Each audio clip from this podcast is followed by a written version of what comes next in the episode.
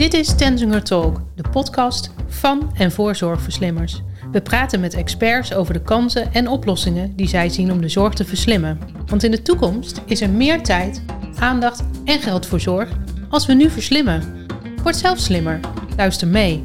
Mijn naam is Feline Geluk. Welkom bij Tenzinger Talk. In de snel veranderende wereld van data en de snelle ontwikkelingen rondom AI is er ook steeds meer aandacht voor data-ethiek. Daarom gaan we het in deze aflevering hebben over ethische dilemma's. Een lastig thema dat continu aandacht verdient.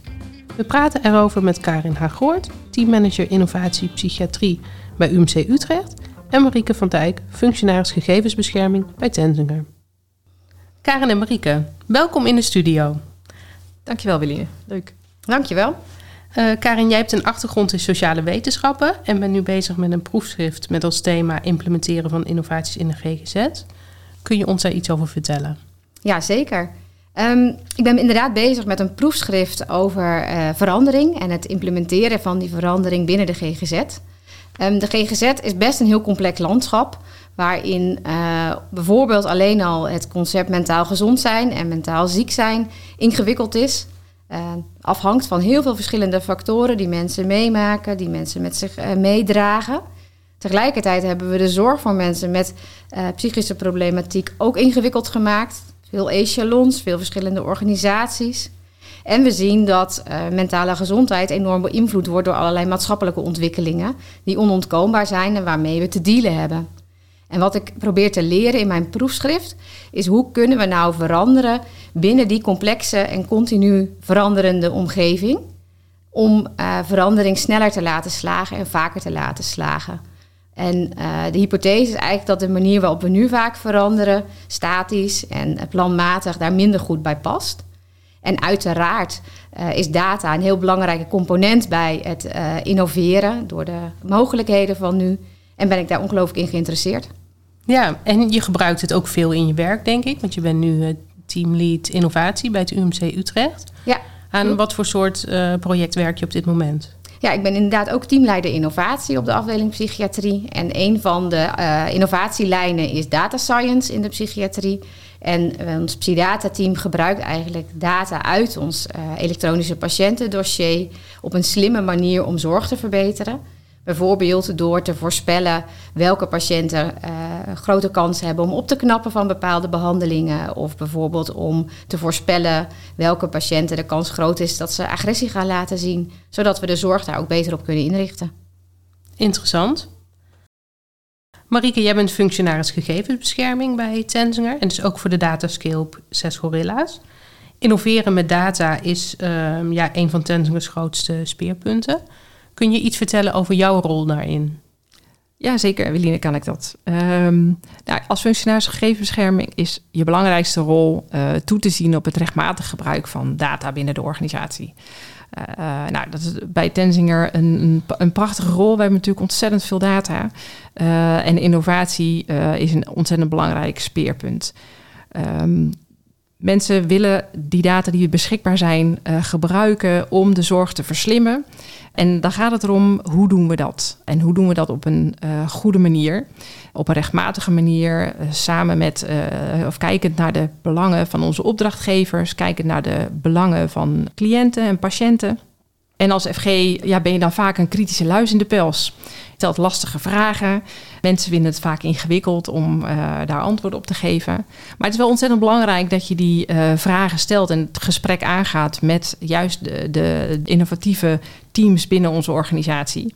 En dan is de, de, uitdaging om ervoor te zorgen dat we samen uh, op de goede manier met data innovatieve ontwikkelingen inzetten.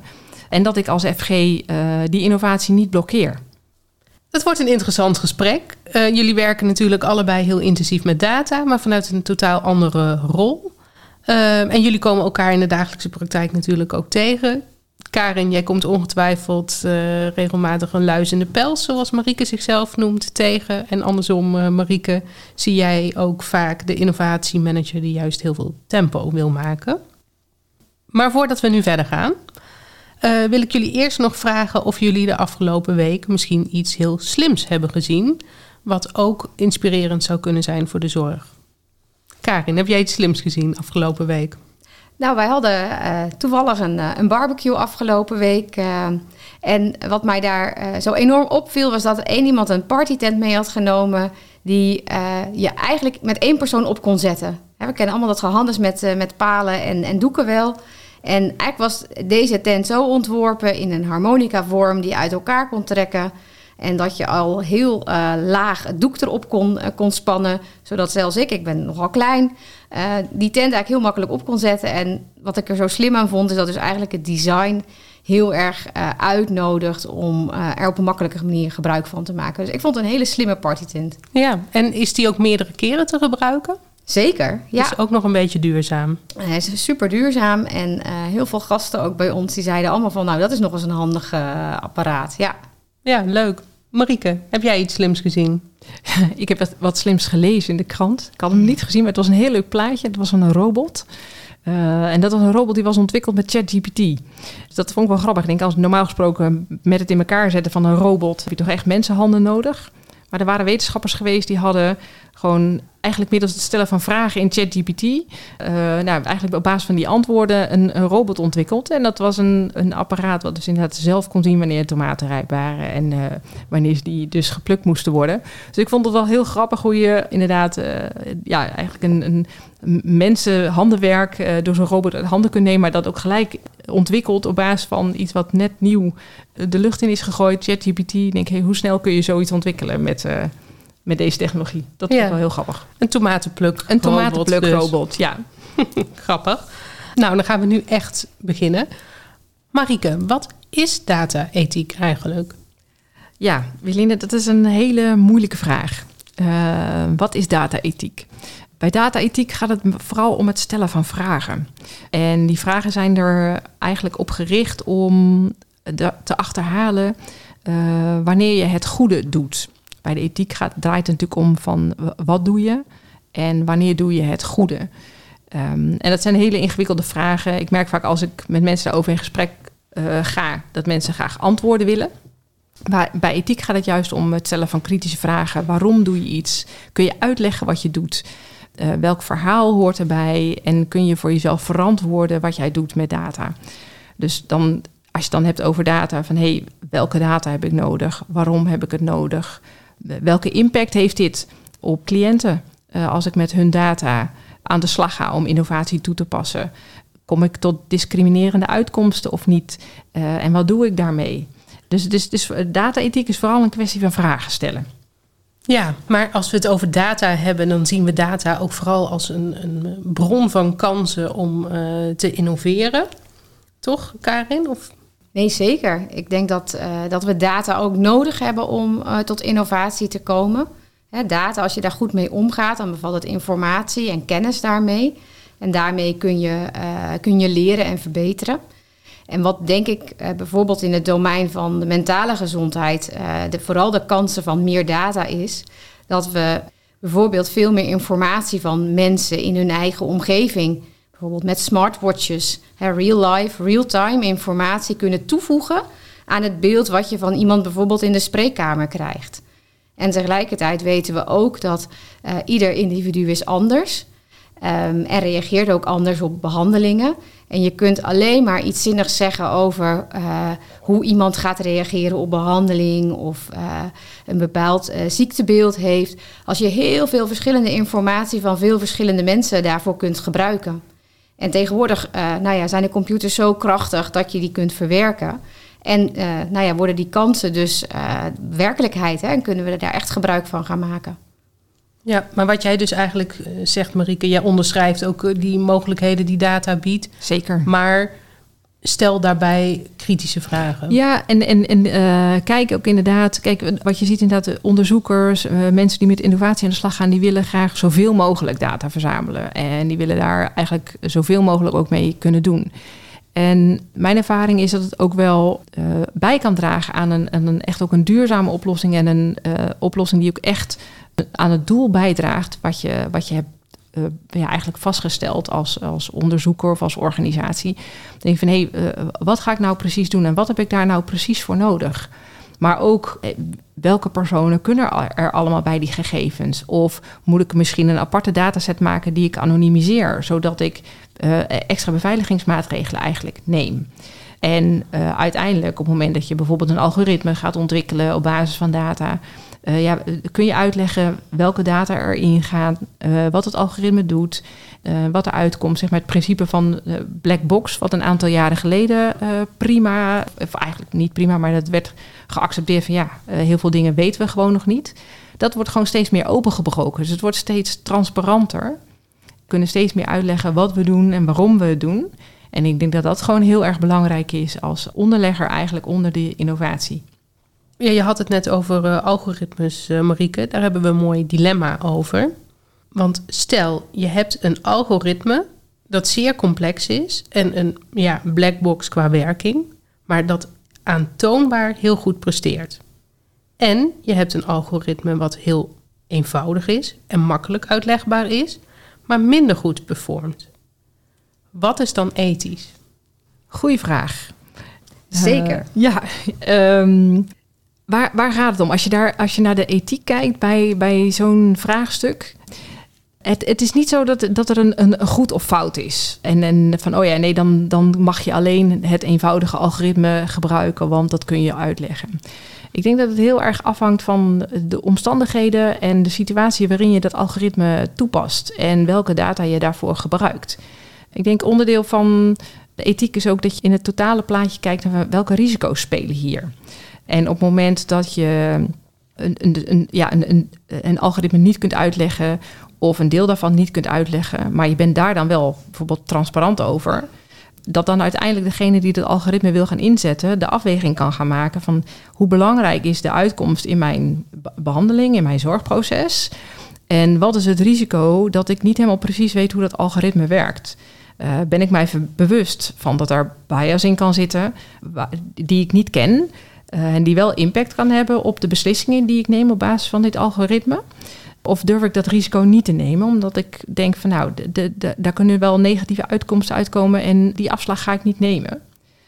Je kunt uh, natuurlijk wel allerlei voorzorgsmaatregelen, notaties maken hoe je tot stand hebt, uh, laten, een algoritme tot stand hebt laten komen. Mm -hmm. Ik denk voor de praktijk dat het altijd te prevaleren is dat je een uh, wat uitlegbaarder uh, en begrijpelijk algoritme kiest. Omdat het voor een arts ook prettig is om uh, met zijn patiënt helder en transparant te kunnen bespreken hoe een beslisondersteuning tot stand is gekomen. Dus dat voor artsen en andere hulpverleners heeft dat vaak wel de voorkeur. Want het is ook spannend om iets te moeten aanbevelen of voorschrijven wat je misschien zelf niet helemaal begrijpt. Tegelijkertijd staat daar tegenover dat we nu ook niet van alle bijvoorbeeld medicijnen en behandelingen exact snappen hoe het werkt. En uh, je ziet nu soms dat uh, het lijkt alsof het voor algoritmes en data dat we dat belangrijker vinden om die werking exact te doorgronden dan uh, misschien wel voor andere interventies. Dus dat vind ik wel een spanningsveld. Ja, terecht punt. Komt denk ik omdat het nieuw is. Nieuwer dan inderdaad wat ja. we gewend zijn met, met medicijnen.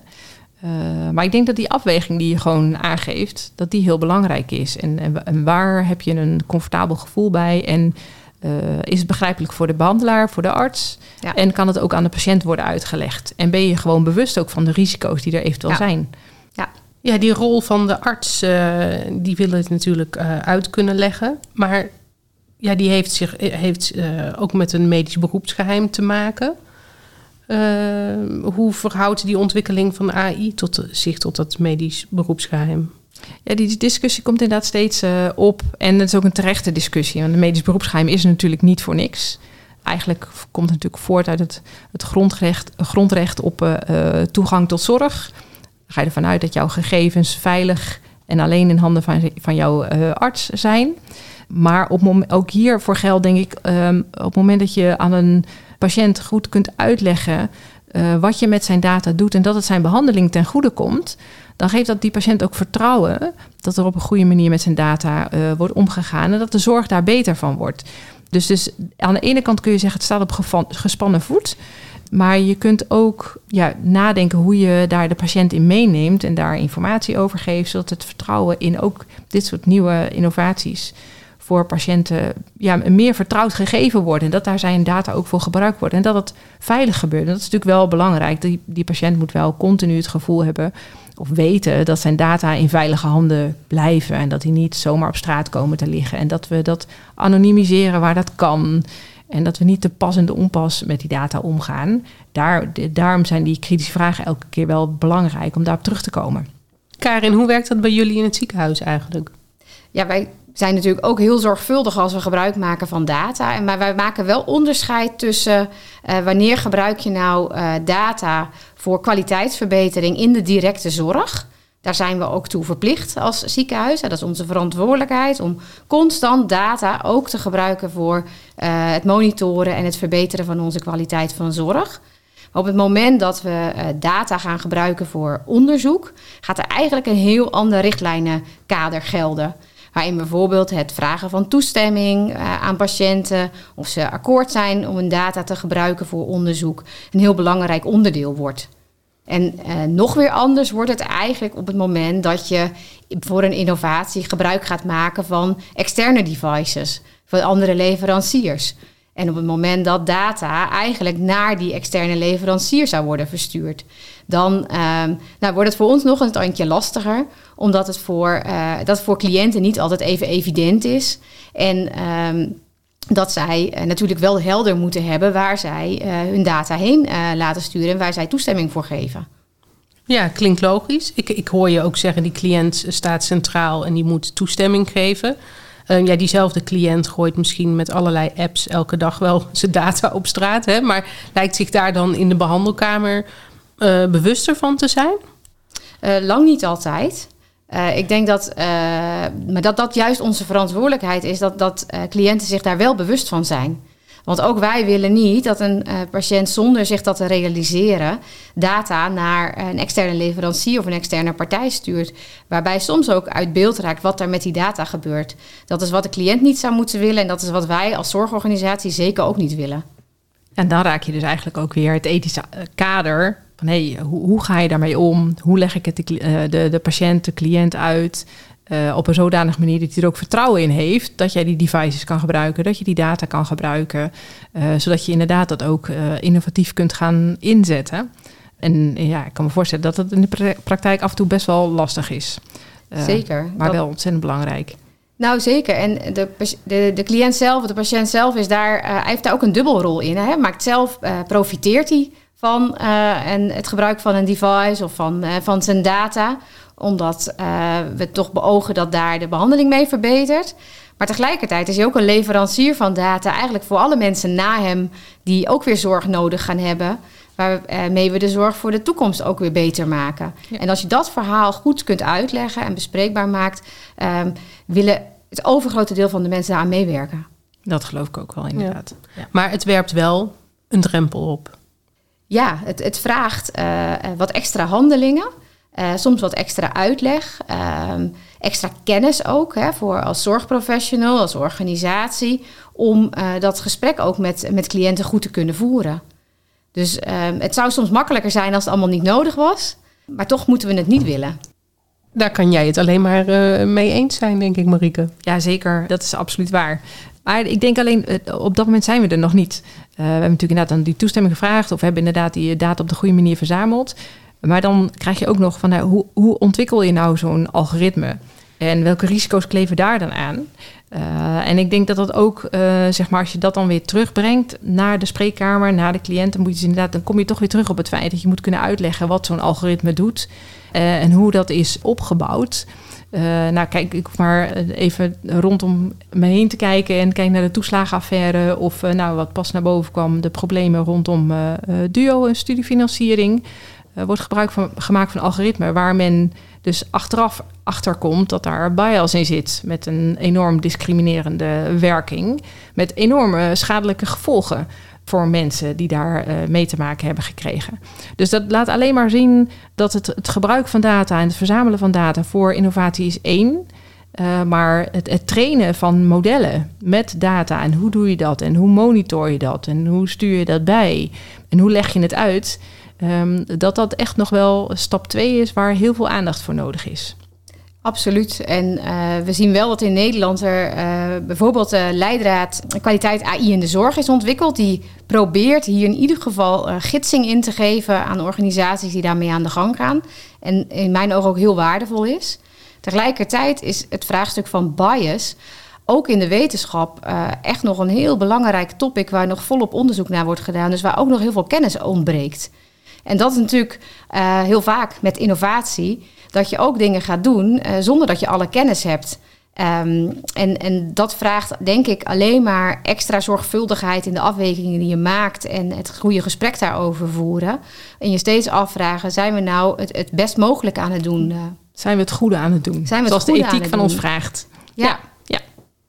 Dat is meteen ook, denk ik, een mooie afsluiter. Zijn we het goede aan het doen? En uh, wees je daarvan bewust en stel vragen.